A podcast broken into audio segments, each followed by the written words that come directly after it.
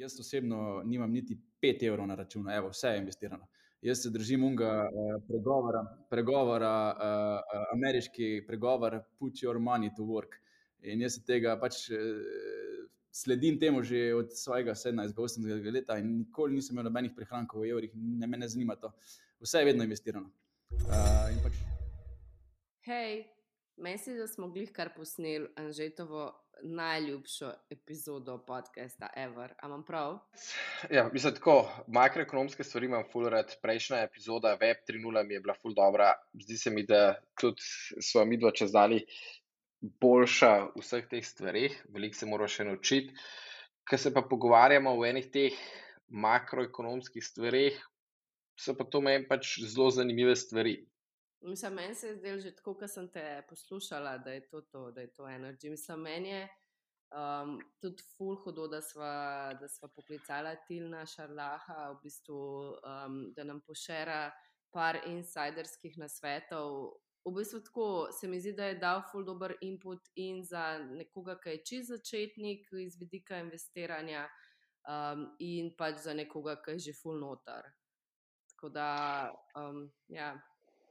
Ja, vsi, ki hočete investirati, ki se hočete na tem področju uh, kaj naučiti, je Zihar Tilan en zelo ta prav naslov. Uh, tudi zelo dolgo piše kolumne v slovenskih časopisih, zelo dolgo piše blog, uh, zelo že kar velik na svetu je v svoji karieri delil, tako je tudi v bistvu danes jih delil z nama.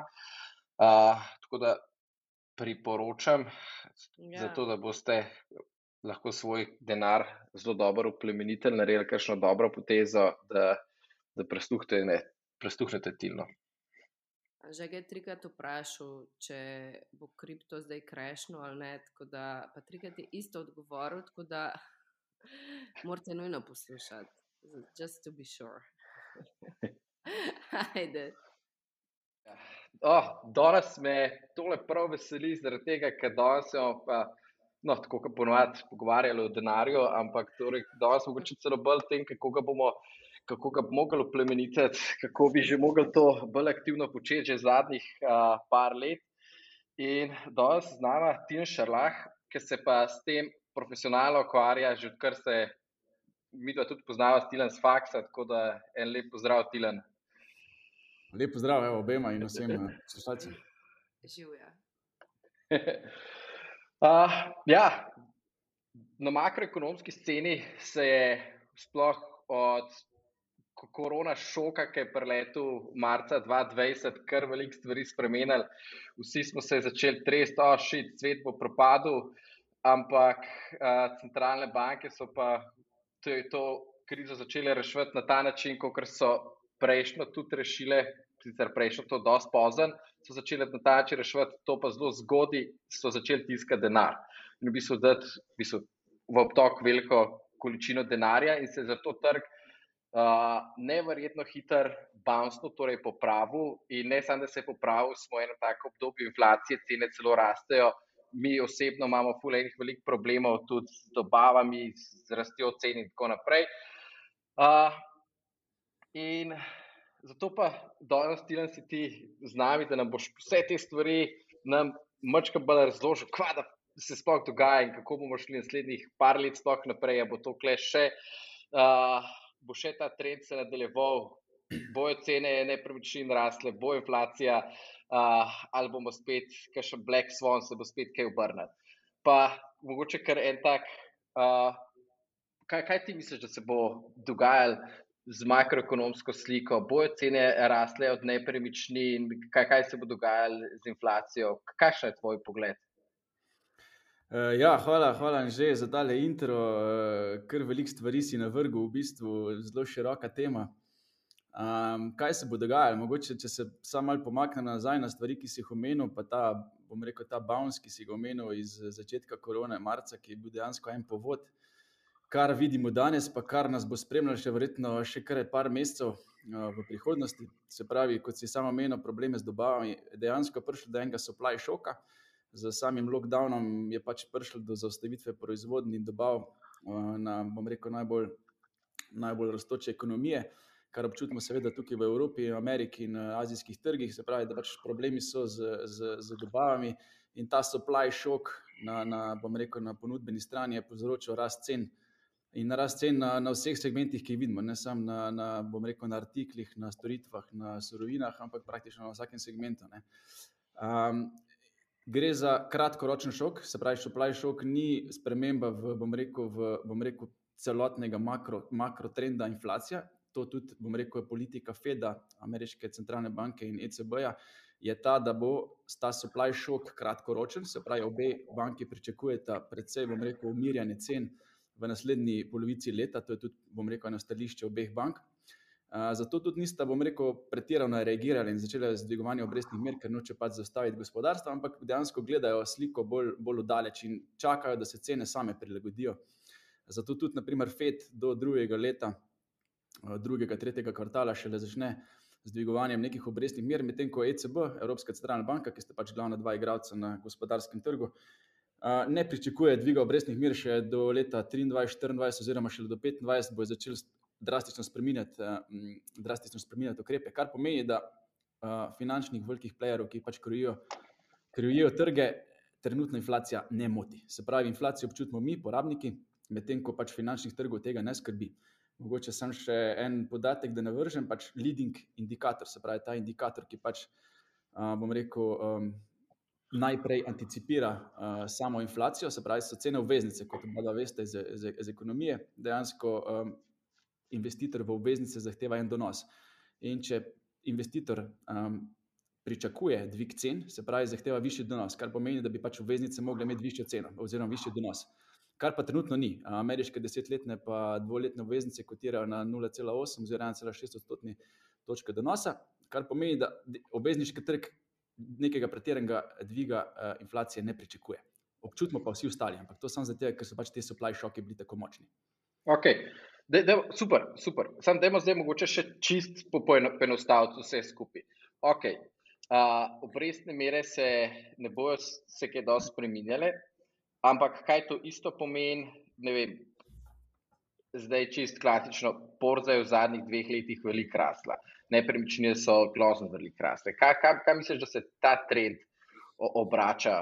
Uh, tudi kripto je zelo rastel in vse te stvari, in vemo, da je kripto pa borza sta čez dalje bolj uh, povezana. Kaj misliš, da gre ta trend? Gre še eno zgor trend, kje, kje je tisti trend, koliko časa lahko še ta uh, big traja, torej bull market, kako mu rečemo, koliko časa misliš, da, da vse skupaj lahko še traja?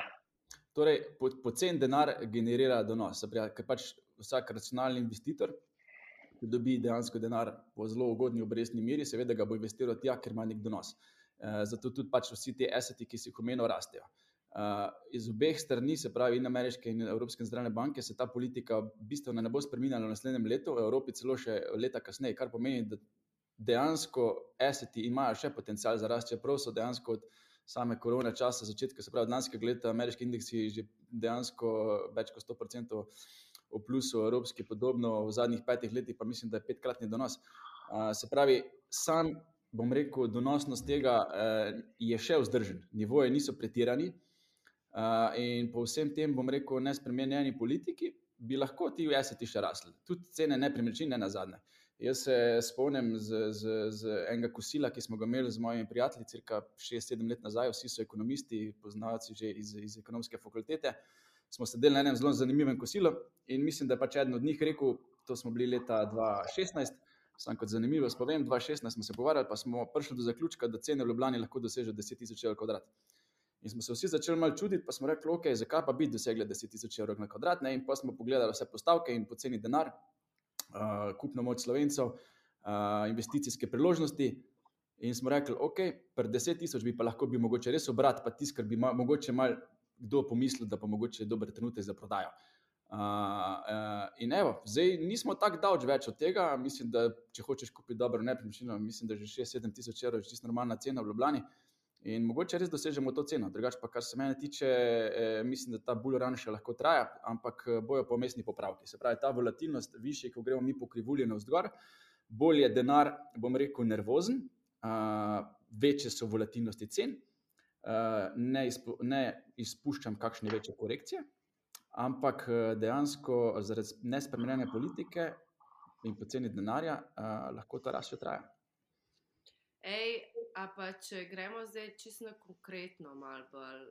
Pol misliš, da če nekdo gleda čisto iz investicijskega vidika, je zdaj le še dober timing. Mislim, valjda, če se je bilo hodilo, če si tri leta nazaj kupil uh, hišo, stanovanje, pač iz vidika investicije. Je, pač zdaj se meni zdi trenutno že čist crazy visoke cene, ampak zdaj, ki si rekel 10 ur, sem kar tako wow, malo pogledala.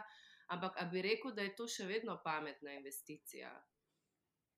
Um, odvisno, kak delež v portfelju ti to predstavlja, se pravi, zdaj, če gledamo gledati nepremičnine. Za nekoga, ki dejansko um, gleda nepremičnino kot z vidika investicije, pa rečemo, da že ima rešen svoj stanovanski problem in bi mu nova investicija v nepremičnine pomenila zgolj le, bom rekel, določen odstotek v celotnem portfelju, ne govorim zdaj o 100%, ampak govorim, da mu to predstavlja vem, 20, 30, 40% in s tem generira nek donos, ki se pač da zračunati. Se pravi, tudi pri ceni 6-7 tisoč evrov lahko ti konstantno dosegaš z nekim, bom rekel, dajanjem ali karkoli, z nekim poslovnim modelom 3-4%, tudi da pokrivaš tisto inflacijo. In zdaj se spustimo nazaj na ono prejšnjo vprašanje.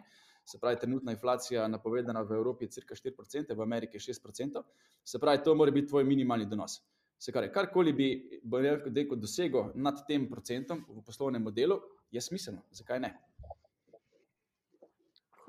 Ej, pa, kar si rekel, če, okay, da to predstavlja nek 20% v, v celotnem pač investicijskem fondu.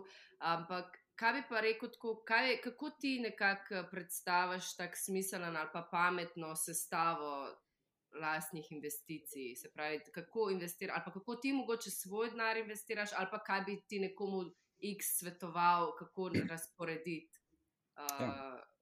Um, to bi se mogoče spustil za, bom rekel, kar dosti let nazaj, ko sem začel sestavljati svoj portfelj. Uh, uh, se pravi, sestava portfelja je dolgoročen proces, to ne gre naenkrat. Se pravi, ti, ko danes se odločiš, jaz bi pa zdaj začel sestavljati portfelj, je to celotna zgodba. Se pravi, začneš z nule in nekje moraš začeti. Jaz sem začel dejansko to zelo, zelo mlad delati, mislim, da sem bil star cirka 17-18 let, ko sem začel dejansko z investiranjem, se pravi, še preden sem sploh začel nekaj normalno z, z, z službo in z prihodki, sem začel že dejansko investirati. Valjda, ko sem bil mlad in to tudi dejansko tako to mora izgledati. Ko si mlajši, iščeš bolj agresivne naložbe, se pravi, z večjim rizikom, bom rekel, ne z tveganjem, in zato tudi zahtevaš večji donos. Višji donos. Ko si starejši, spremeniš svojo politiko, rečeš, ok, gremo v bolj defenzivne naložbe, zahtevam nižji donos, ja, ampak so zadeve bolj varne. Uh, tako da, če pogledam svojo zgodbo za nazaj, uh, v mlajših letih sem bil precej agresiven vlagatelj, se pravi, nisem iskal nekih uh, obvezniških ali nepremičninskih zgodb, ampak dejansko zgolj uh, samo delniške in pa še to na kakšne finančne vzvode, um, kakšne futurese. Surovine, zato so pač bile zadeve precej agresivne in sem si to pač kot mlad vlagatelj lahko privoščil tudi večje, večje pace na vzdolj. Uh, se pravi, zdaj mlajši vlagatelji imajo zelo dober igrišče za to, eh, z, z kriptotrgom. Uh, kriptotrg je dejansko en najbolj, bom rekel, po mojem mnenju, najboljših asset classov za, za mlajše vlagatelje, ker na eni strani lahko dobijo precej velik donos, na drugi strani pa če.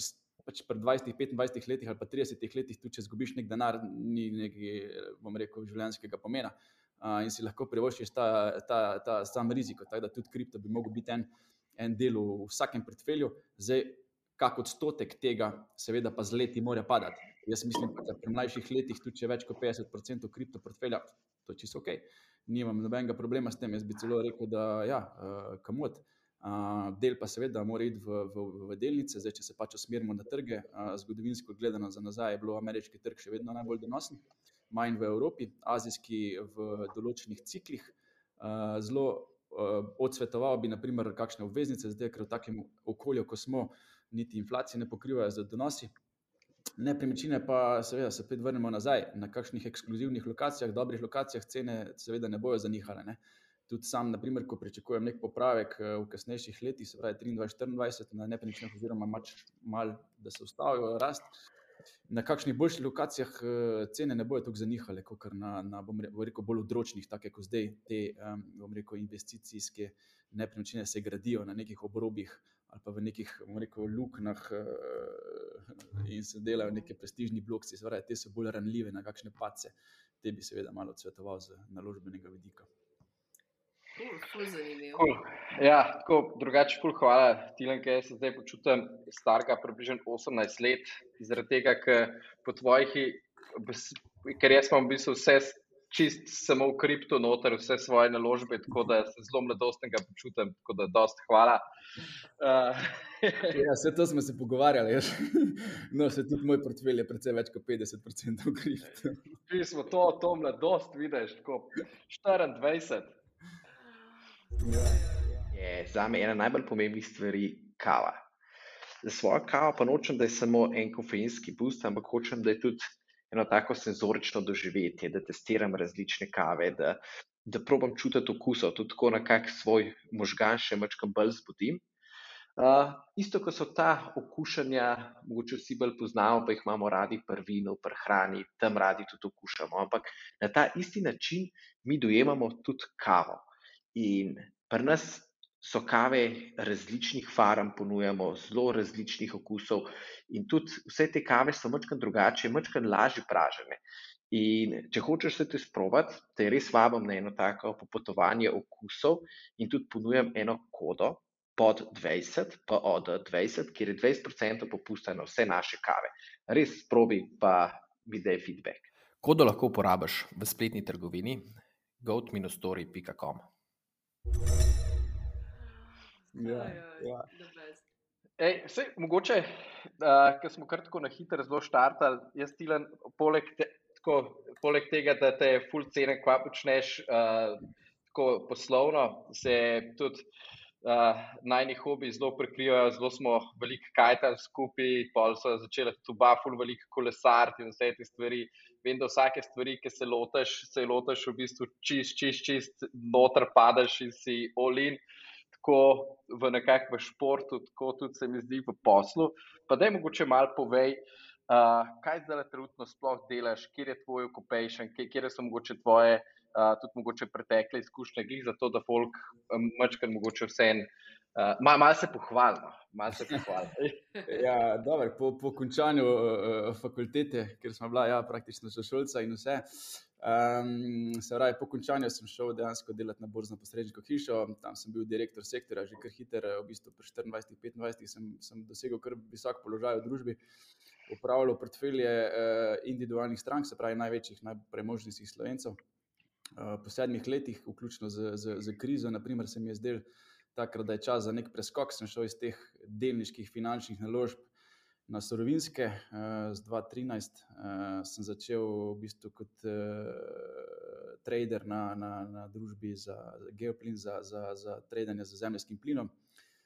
Geoplin je sama največja družba za, za trgovanje z zemljskim plinom v Sloveniji, to je precej pomembna zadeva. So pa surovine, bom rekel, precej teže za trgovanje, kot kar kakšni drugi finančni instrumenti. Tako da ta, bom rekel, spektr in surovin in finančnih trgov mi je izredno pripomogel za naprej, za trgovanje.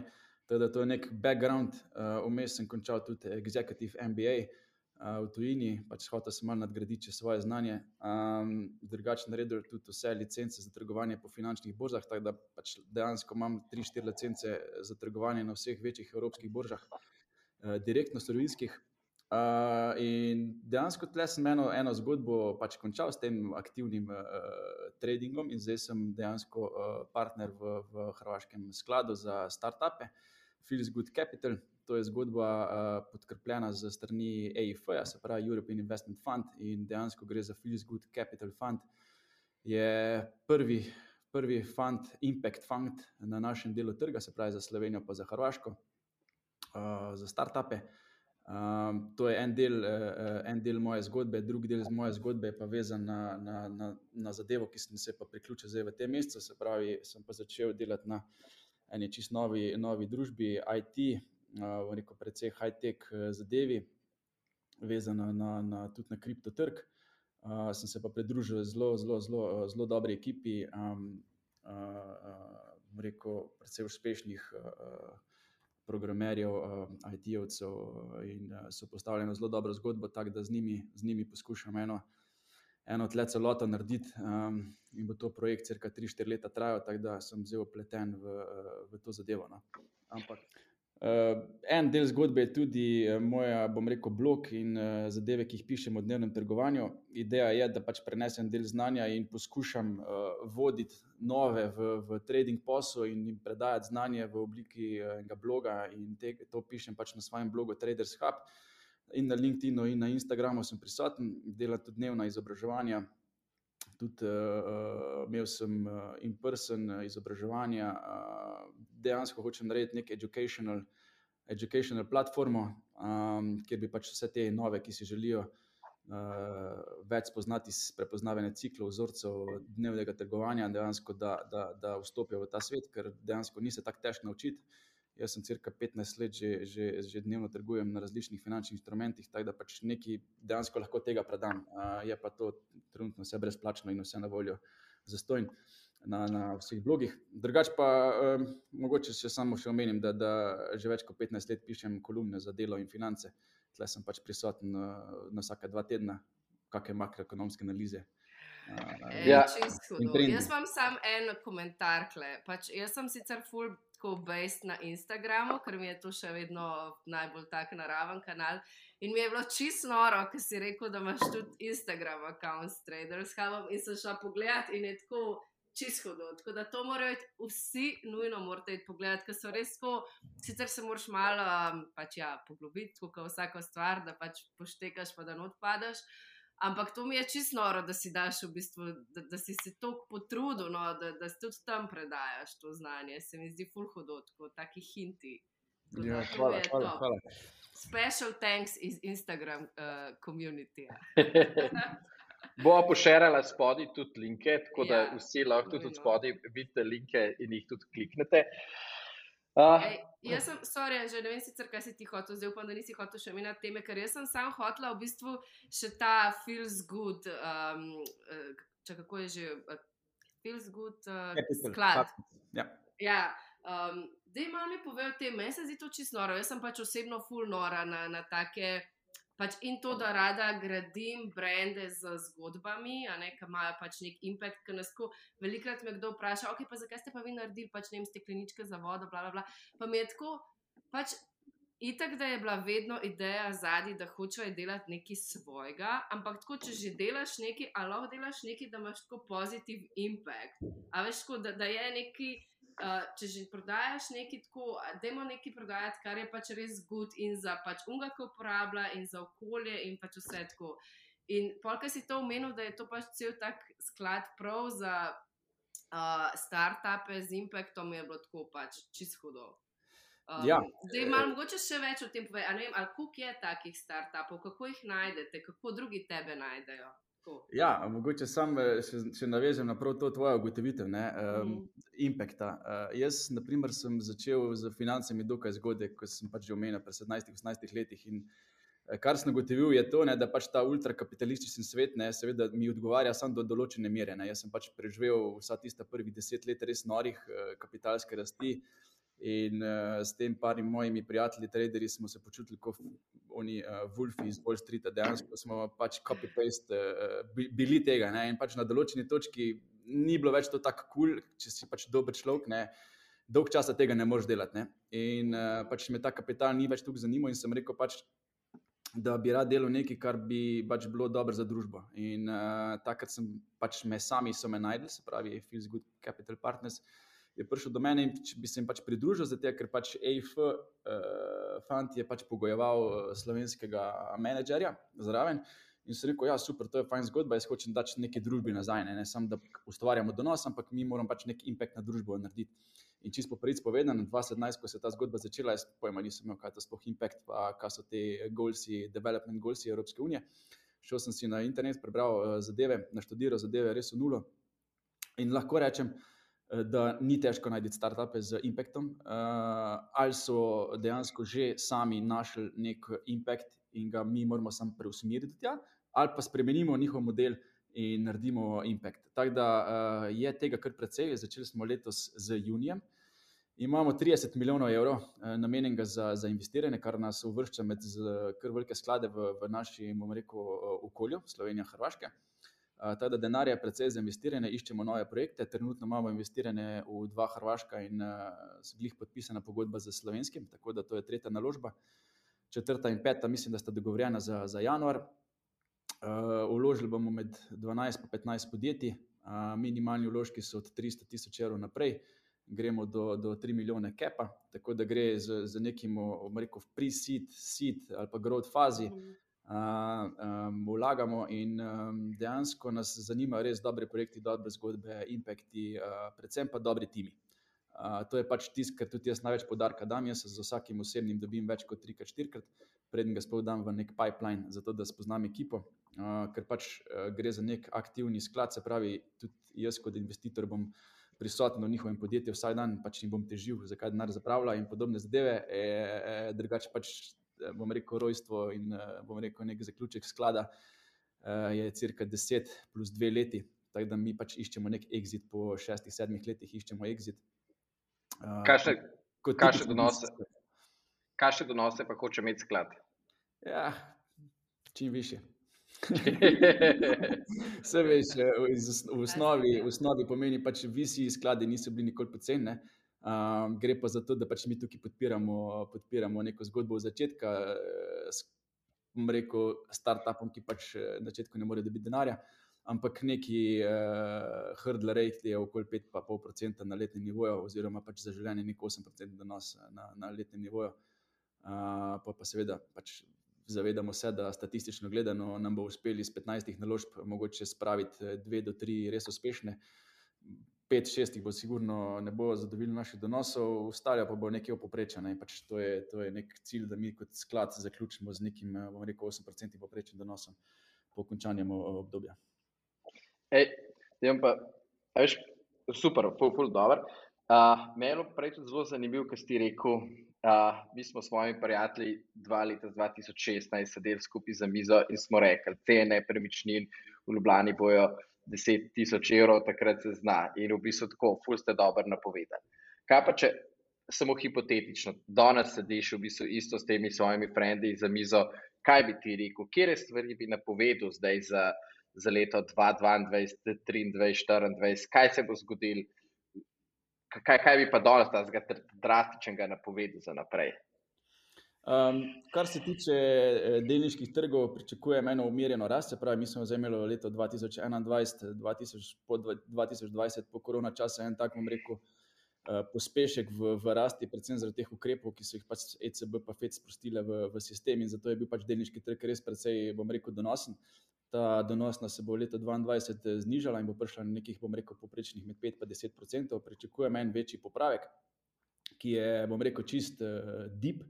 Uh, nič kaj drastičnega, nobenega obrata trenda ne pričakujem na marketu. Uh, uh, to je, kar se tiče delniških naložb. Torej, ameriške delnice bodo delale boljše, kot delale, bodo delale evropske in azijske. Tako da tle bi preferiral ameriške delnice, zaenkrat nobenega, nobenega problema, nobenega pregrevanja.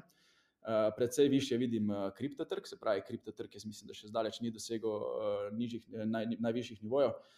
Osebno pričakujem eh, BTC na 70 tisoč, eh, Ether bi kamot eh, lahko presegel mejo 6 do 7 tisoč.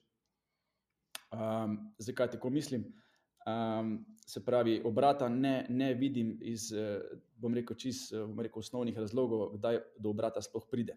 V osnovi obrat se zgodi, kadar imamo mi ekstremni, ekstremni optimizem in ta optimizem se prelevi v ekstremni pesimizem. Se pravi, mi rabimo res ekstremen, bom rekel, rast tečajev na dnevnih nivojih, da pride do obrata trenda. In ta obrat trenda se lahko zgodi samo na dva načina. Na, na način ena je, da pride do blow-up tapa, se pravi, da res imamo tisti izrazit rast, par dnevni, tedenski, mesečni, ne vem, na največji, bom rekel, Bitcoin ali Ethereumu, ki bo izrazito visok zelen candle. Tisti, ki se spoznate na, na tehnične analize, boste videli, kaj to pomeni. Pač izrazit zelen candle iščem. In ta zelen candle bi lahko imel obliko, bom rekel, enega uh, shooting starja, se pravi, pač nekega blow-up tapa.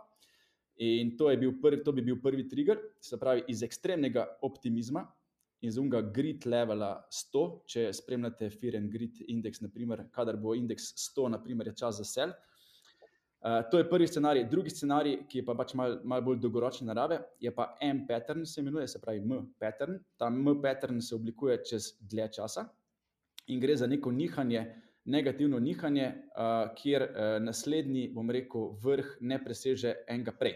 Se pravi, gre v neki M obliki navzdol in ta, ta oblika je precej, bom rekel, dolgotrajnejša, pa, jo pa zaznamuje daljše obdobje pesimizma. Se pravi, ta dva, ta dva vzorca jaz iščem na trgu in teh vzorcev trenutno ni bilo. Mi moramo vedeti, da trenutna korekcija, ko se pač dogaja na, na kriptotrgu, ni bila, ni bila narejena v ekstremnem optimizmu, bilo je pač neko, bom rekel, čisto normalno eh, stanje, tudi level denarja se ni nekaj povečeval, eh, pač zgodila se je eh, z, z vzroki finančnih trgov, se pravi, tle čisto povezano z novim virusom, omikronom, z Evergradom, kitajskimi in, in podobnimi zadevami. Tako da um, zato pač vidim kriptotrg precej više, verjetno v Q1, Q2 bo, bo dosegel kar ene uh, lepe nivoje. Uh, tako da sem, sem optimističen še vedno na kriptotrg. Eh, kar se tiče nepremičnin, kot sem že prej omenil, zaradi uh, še vedno ekspanzivne monetarne politike Evropske centralne banke ne pričakujem v Evropi nobene umiritve še v naslednjem letu. Prvo umiritev bi pričakoval šele v letu 2023 oziroma 2024, kar se tiče nepremičnin. To bi bil tak, bom rekel, nek rezime. Super, super. Ful, ful se mi zdi, da si dobro tudi uh, vse skupaj povedal. Torej, uh, zdaj bomo vsi kupili še več kripto, vsi, ki iščete flat, ga kupite zdaj, ne čez en let, ker bo še dražji. But not financial advice. not for us. um, pa če kaj je še, še kakšno zelo konkretno stvar. Kaj pa bi svetoval Ulmo Folku, ki mu cash leži na bančnem računu? Ne kupi en asset, kjerkoli asset ne kupi, zato ker pač denar na računu valjda je minus, direkt minus, ne pač posredno z, z inflacijo, 4% izgublja, ampak neposredni učinek je pa po mojem med 10 in 20 odstotkov. Se pravi, tukaj se ti stvari, ki jih pač, bom rekel, nek uh, aktivni človek, sem temu izrazil, ki pač veliko kolesari, smuča, hodi v fitness, v vem, solarije, wellnesse, ne? pač te storitve se držijo 10-15% na leto, vse te, bog ne daj, da hodiš na kakšna potovanja. Ampak to so eseti, ki se držijo, eh, ne vem, kolesa, smuča, karkoli, pač cirka 20% na leto grejo gor cene in to je pač realna inflacija, ki je pač aktivni človek. Eh, zgubla, če ima uh, denar na računu. Jaz osebno nimam niti 5 evrov na računu, evo, vse je investirano. Jaz se držim wow, unga, uh, pregovora, pregovora uh, ameriški pregovor, put your money to work. In jaz se tega pač uh, sledim temu že od svojega 17-18 leta in nikoli nisem imel nobenih prihrankov v evrih, ne me ne zanima to. Vse je vedno investirano. Uh, in pač to, to mi deluje, crka vsta čas in, in evo, to, tega se bom držal tudi naprej. Super. Tukaj, tukaj je pula razlika, drugače, kako, kako po, jaz mislim, da tudi poprečno, kako ameriška celotna družba, kako deluje izobraževalni sistem, zelo spodbuja, da te v lokalne delnice, v lokalne družbe vlagati, tam zelo spodbujajo to. In vsa ta, tega, ker imajo tudi to, če bojo lokalne družbe imele kapital, bojo lahko rasle in ko bojo rasle, bojo dajale v bistvu vsem nazaj. Uh, celotna ameriška. Ameriško tudi vlada in FED pa skrbi, da te delnice nikoli ne bojo padle praktično. Za na kratek rok lahko padejo, na dolg rok pa če nikoli ne morajo pasti, saj, uh, saj te indeksi, te tovarni indeksi. Uh, in je bilo tudi tako, se mi zdi, da zaradi tega se je toliko več vlaga na uni strani luže v, tudi v borzo, pri nas smo pa zelo konzervativni vlagatelji in se mi zdi, da je posledično zaradi tega, ker smo tudi konzervativni vlagatelji, se zelo veliko vlaga v nepremičnine in imamo tudi posledično tako drage nepremičnine. A se ti ne zdi, da je tudi zaradi tega imamo tak balonček? Uh, ja, uh, dve za devet let. Če se navežem na tvojo primerjavo med Ameriko in uh, našim trgom in uh, njihovo spodbujanje vlaganja v delniške trge, je prvi pomislek to, da ta tam je njihov cel sistem, pokojninski sistem 401, vezan na, na njihove delniške trge. Se pravi, pač tam uh, vsak delavec vlaga v svoje podjetje in je pač investitor v svoje podjetje in zato pač odvisno od tečajev in njegova pokojnina je odvisna od tečaja. Zato tu pač ni v nobenem interesu, da njim delniški trg pade, zato ker pač se bo pokojninski sistem podaril. Na, na naši strani smo bolj konzervativni, se pravi, pač so ta sredstva odvojena, so investirana v druge obvezniške naložbe in imamo dejansko nek zagotovljeno pokojninski sistem. In to je pač dva, dva rekel, finančna vidika, ki sta različna. Kar se tiče nepremičnine, pa seveda, mi smo majhna država, uh, mikrolokacije eh, v Sloveniji so zelo omejene, jih imamo, ne vem, vsak hoče imeti. Eh, v Portugalsku nepremičnino, pa v Krajinski gori, pa v Ljubljani stanovanje, potem pa zmanjka. In pač dejstvo je, da dva milijona slovencev na teh treh lokacijah bo zelo težko preživeli. In uh, ta mikrolokacija in uh, dostopnost, bom rekel, teh parcel imajo pač svojo, svojo ceno. Na drugi strani pa kapital ljudi, uh, tisti, ki pač delajo, tisti, ki imajo dobre podjetja, start-upe, karkoli, kapitala je dost, da te zadeve pokupijo. In seveda, ko pač ti dosežeš neko maso, maso na teh mikrolokacijah, dejansko je edini, edini trigger ki ti lahko sproži, eh, bom rekel, umiritev cen, eh, je sama ponudba in sama cena. Zato je cena glavni faktor za umiritev. In zato sem rekel, da dokler pač ne bo 10 ur, naprimer cena v Ljubljani, na nekih mikrolokacijah, praktično se te cene ne morejo umiriti. Zato, ker kapitala je trenutno dovolj. Se tudi se vidi po prihrankih bank, naprimer, da smo, po mojem, v samem vrhu uh, uh, Evrope, glede na prebivalca. Ja, v bistvu, kakšno škodo v bistvu si delamo s tem, ne? v bistvu kot celoten narod, koliko je v bistvu ene dodane vrednosti mečemo stran na ta način, da imamo toliko velik denarja, da je bilo toliko velik našega denarja v prihrankih, kot celotna družba, ki bi mogli v bistvu ustvarjati donose 40-50% v zadnjih dveh letih, uh, in smo imeli pač še pač preveč denarja kot družba celotna in je to res škoda. Zaradi tega se mi zdi, da je tudi ta podcast uh, tako probati zaveščati vse skupaj, da je to del razmišljanja, da pač more. Uh, vsi se moramo s tem malo ukvarjati, ker drugače. Uh, in tudi praktično, nas, tudi, ki smo ekonomijo študirali, so to zelo slabo naučili na faksu. Makroekonomsko so to Jaz se spomnim, da je eno zgodbico povedal. Jaz sem lansko let govoril, kako velika je inflacija, ker sem lansko let sicer dosti pozem, sicer še vedno sem ujel ta največji val po leti, začel govoriti, hej, inflacija bo šit. Začel sem se zavedati, vse sem začel uh, agresivno vlagati, še več v kripto, čeprav sem že od 2015 v kriptu.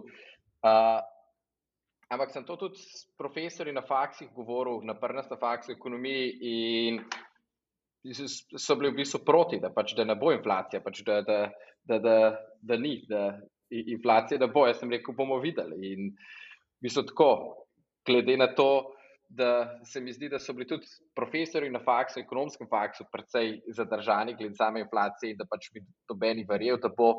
Uh, se, se mi zdi, da da se premalo o tem še, še govori. Tako da ti si, ti si zagotovo vedel, da bo verjetno.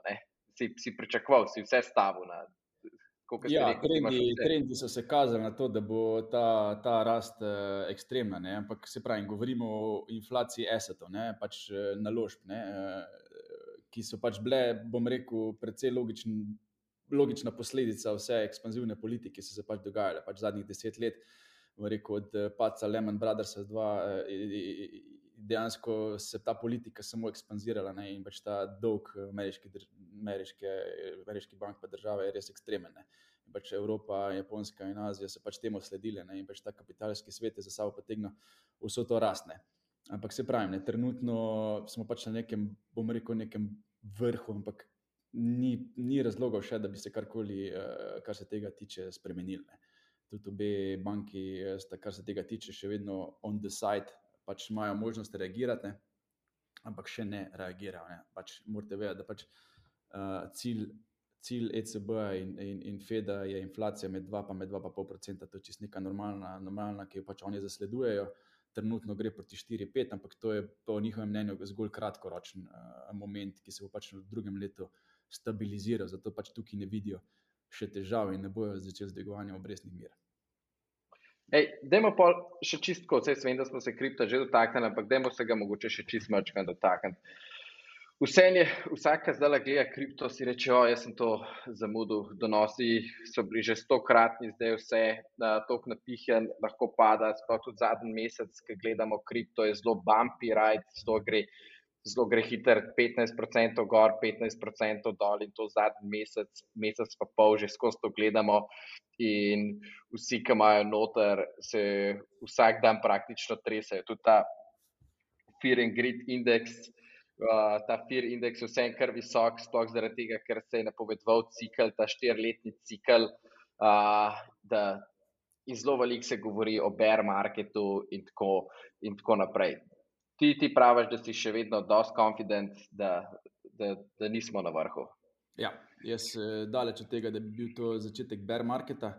Kot sem že prej povedal, sta samo dva načina, da se bear market začne, in noben od teh dveh načinov uh, uh, ni bil sprožen v zadnji korekciji. Tako da, kar se mene tiče, jaz pričakujem iz tehničnega vidika tle preboj na vzgor tega falling wedge, ki ga zdaj BTC kreira, pač cel kriptotrg se vrti okoli BTC.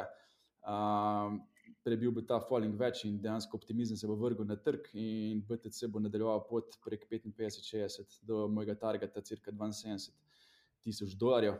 Uh, pri tem je pač pomembno treba povedati tudi, da mislim, da bo pač Ethereum predvsem močnejši proti BTC paru. Uh, tako da, uh, kar se tiče primerjalne vrednosti, mislim, da bo Ethereum predvsem bolj uh, donosen kot uh, Bitcoin in tle bo, tle bo vzel en primat predvsem zaradi tega adopšna, ki ga pač dosega med institucionalnimi investorji. Moramo nekaj vedeti, uh, da uh, retail investorji, pač te, ki si pomenijo, da paničarijo, ne, uh, te niso že, že dolgo niso več glavni faktor uh, tega trga. Kriptotrg je uh, v celoti, govorim v celoti, uh, uh, voden s strani finančnih trgov, glavni, glavni vodilo cen na kriptotrgu je um, CME market, se pravi, to je futures market, na, ki je pač edini dostopen, uh, reguliran finančni inštrument, pri katerega lahko dostopajo uh, veliki igralci iz Wall Streeta in tam se danes sučijo milijarde dolarjev in te milijarde dolarjev poganjajo tečaje v eno ali drugo smer. Da pač tisti, ki pač spremlja kriptotrg zelo, zelo podrobno, bi lahko spremljal CME futures market na Bitcoinu. Naprimer, to je en tak leading indikator, kaj se bo na, na trgu dogajalo. In uh, ne, zdaleč od tega, da smo mi v bear marketu. Se pravi, iščem, uh, iščem pretiran optimizem, ki se bo prelevil v ekstremni pesimizem. In tega, tega obrata še ni bilo. Ej, kaj pa še mogoče čistko, super.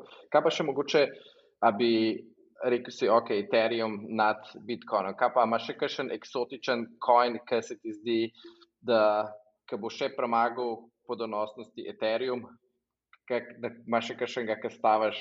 V, v svoji analizi, eh, tle, ki jih imam na srednjem. Spremljati Traders Hub. Ja, to je prva zadeva. Jaz, jaz dejansko, kar se tega tiče, ne, eh, v mojem portfelju imam zanaliziranih cirka 400 različnih kojnov. Eh, se pravi, zanaliziranih pomeni, da sem jih pogledal, si narisal dejansko support, resistance, trende, vstopne in izstopne točke, se pravi, kar dosti podrobno zadeva. Cirka 400. Uh, sem zelo, kar se tega tiče, zelo pošten in kadarkoli kaj kupim, objavim, dejansko objavim brezplačno uh, na Traders Hubu.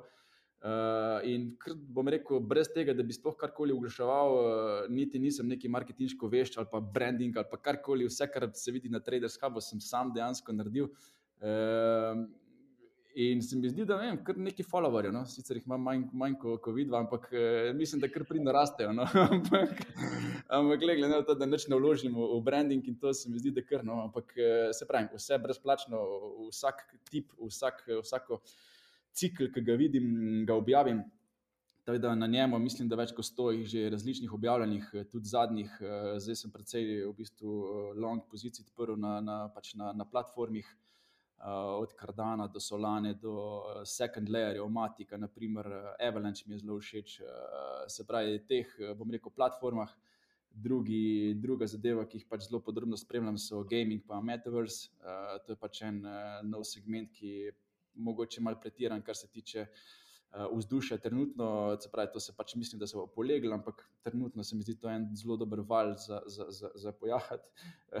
Druga, tretja stvar, ki me pa tudi osebno bolj zanima z finančnega stališča, pač, ki ga tudi zasledujem in ki mislim, da bo imela pač banke zelo velik problem eh, z njimi, so pa DeFi. To so pač platforme, ki me izredno zanimajo, a, a, se pravi, vse te DeFi ali pa CFI projekti. Tle pa vidim dejansko največ, največji doprinos k tudi družbi, v katerem živimo. Se pravi, pač osebno mislim, da mlajše generacije ne bojo več hodili v banko uh, odpirati računov, ampak bojo pač odpirali račune na, na kakšni DeFi, DeFi ali pa CFI platformi. Uh, dobivali tja plače, od tam plačevali, tam, tam si vzemali kredite, se pravi, gre za nek lending, borrowing platform, uh, payment transaction platforms ali pa trading platforms. Uh, te se mi zdijo, da imajo največjo, največjo sinhronizacijo z tradicionalnimi marketingi. Tle pač se mi zdi, da na dolgi rok um, znajo največ prinesti. Klej se zelo pridružujem vsem, kar si povedal. Jaz sem isto believer, da se bo to uh, vsekakor zgodil. Kot smo imeli v bistvu na prejšnji epizodi, tisti, ki ste poslušali, smo govorili o Web 3.0, uh, smo se dosti teh tem z Nikotom Klanškom tudi dotaknili in me veseli, da tudi ti imaš podobno mnenje, tudi podobno vidiš prihodnost. K, uh, torej, pač vsi si približno verjamemo, da se bo to zgodilo. E, zdaj pa mogoče še eno vprašanje, če za, za konc. Vemo, da se pa na vsake tokcajte zgodi, zgodijo na marketu razne kašni res nenapovedane stvari. Pač vi v marketu rečete temu razni black swani, ki se zgodijo. Uh, veda, ali je to, ali pa razni na pol predvideni, nepredvideni dogodki, kot so vem, vojna v, Ukrajini, če se zgodi, ne vem, če se na Tajvanu kaj grozen zapletek, pač vemo, da letonosilke tam stojijo, vse te stvari. Uh, koliko tega v bistvu imaš, je trg, imaš že vključenega noter, pa koliko tega se še lahko, koliko raznim tem stvarem podarjaš. Vsaka od teh stvari, ki sem zdaj omenil, če se kaj zgodi, je bo velik popravek. Koliko te te stvari skrbijo? Um, določena premija za tveganje uh, se vključi, se pravi, od spo, spoznanja takih dogodkov. Če se navežem na, na Ukrajino, Rusijo, naprimer, ki si pač omenil, tle pač je problem zaradi surovinskega trga, predvsem plinskega trga. Če slučajno bo tam kakšna zadeva, se pravi, bo, bo plin v Evropi podojal. Uh, to je dejstvo zadeva. In te cene že vsebujejo neko premijo za tveganje. Uh, zelo težko pa napovedati dejansko, kaj se bo zgodilo, bom, bom rekel, prav začetku te zadeve. Tako da pač določena premija je, ampak povsem je pa ne moreš vključiti v tečaje. Uh, kar se pa tiče samih trgov, trgi uh, delujejo dobro, kadar nimajo dejansko uh, sprogramiranih nekih eksternih uh, dogodkov, nepričakovanja. Se pravi, trgi ne želijo videti nepričakovanih uh, dogodkov. Uh, bolj ko je trg, bom rekel, um, v, v nekih normalnih vodah, brez nekih pretresov, takrat bo deloval dobro. Zdaj, ker takrat je pač confident vlagateljev visok. Ko ker uh, vlagatelji dosežejo neko stopnjo zaskrbljenosti, takrat mi vidimo na trgih, uh, bom rekel, volatilnost cen. To se ekstremno vidi na, na delnicah, pa tudi na kriptotrgu. Se pravi, kadarkoli um, pride en news ven, ne vem, Kitajska bo benala, bo benala mining in podobne zadeve, te zadeve, seveda, ne moreš ti sprogramirati naprej, zato ker pač uh, je novica prišla takoj ven in so takoj reagirali. Zdaj, po cash flowu, naprimer, ki sem ga spremljal, takoj, ko se to zadeva, zadeva odvila, sem videl, okay, so retaili prodajali, te velike so kupali. Okay, to ti da že nekaj vedeti, dejansko, da pač tisti, ki vedo, da se bo zadeva odvila, pa tisti, ki verjame na to long term, je pač želel zadevo kupiti. Retail pač zelo čustveno reagira na zadeve, zato ker pač oni delajo s svojim denarjem. In to je tudi ena ključna, uh, ključna razlika med upravljalcem sklada, pa uh, upravljalcem svojega portfelja. Pač, upravljalec svojega portfelja dela s svojim denarjem in je čustveno navezan na denar. Če ti si upravljaš denar enega drugega, nisi čustveno navezan in lahko delaš precej drugače. In vsak tisti, ki hoče investirati, kaj mora narediti? Najprej mora čustveno se odvezati od denarja in takrat bo začel delati dobre donose. Mm, to, to. Ta je bila tako globoka za konc. Ja, ja. Ej, Ej. Jaz mislim, da ja. povej stila. ne, noč, pač jaz sem tako, zdaj le tako zadnjih deset minut, sem tako. Ok, poslušaj, poslušaj, me, memoriziraj, imaš to. Ampak ja, ne, pač fulega znanja, ti le res tako noro, ful hvala za tole. Jaz sem čist, um, še bolj v bistvu uh, confident v to, da je treba pač um, te, investicije še bolj resno imeti, pa še več investirati. Kot kupe, če si me pa s tem šokiral, ker si rekel, da nimaš niti 5 evrov na računu ali pa že. Kot čas, čisto. Ja, sej, if it works for you, a ne zakaj bi sploh imel. Tako da top, ej, uh, aj to to, že. Ja, uh, Hvala vsem, da ste poslušali Tilan Tep, da ste delili svoje modrosti. Vse linke bomo dala od spodaj, tako da si lahko vidijo A imaš ti še kaj za, za podeliti, Tilan, tako kakšen zadnji call to action? Follow me on Instagram. Ja, ne vem, rekel bi kar direktno, investirite v esete, pa investirite v sebe. To je to. A, To- vidiš, Šlogrok. to je to. Dober, dober. Ej, top. Hvala. Top. Hvala, ajde. Hvala vama, to je to. Slišimo. Čau.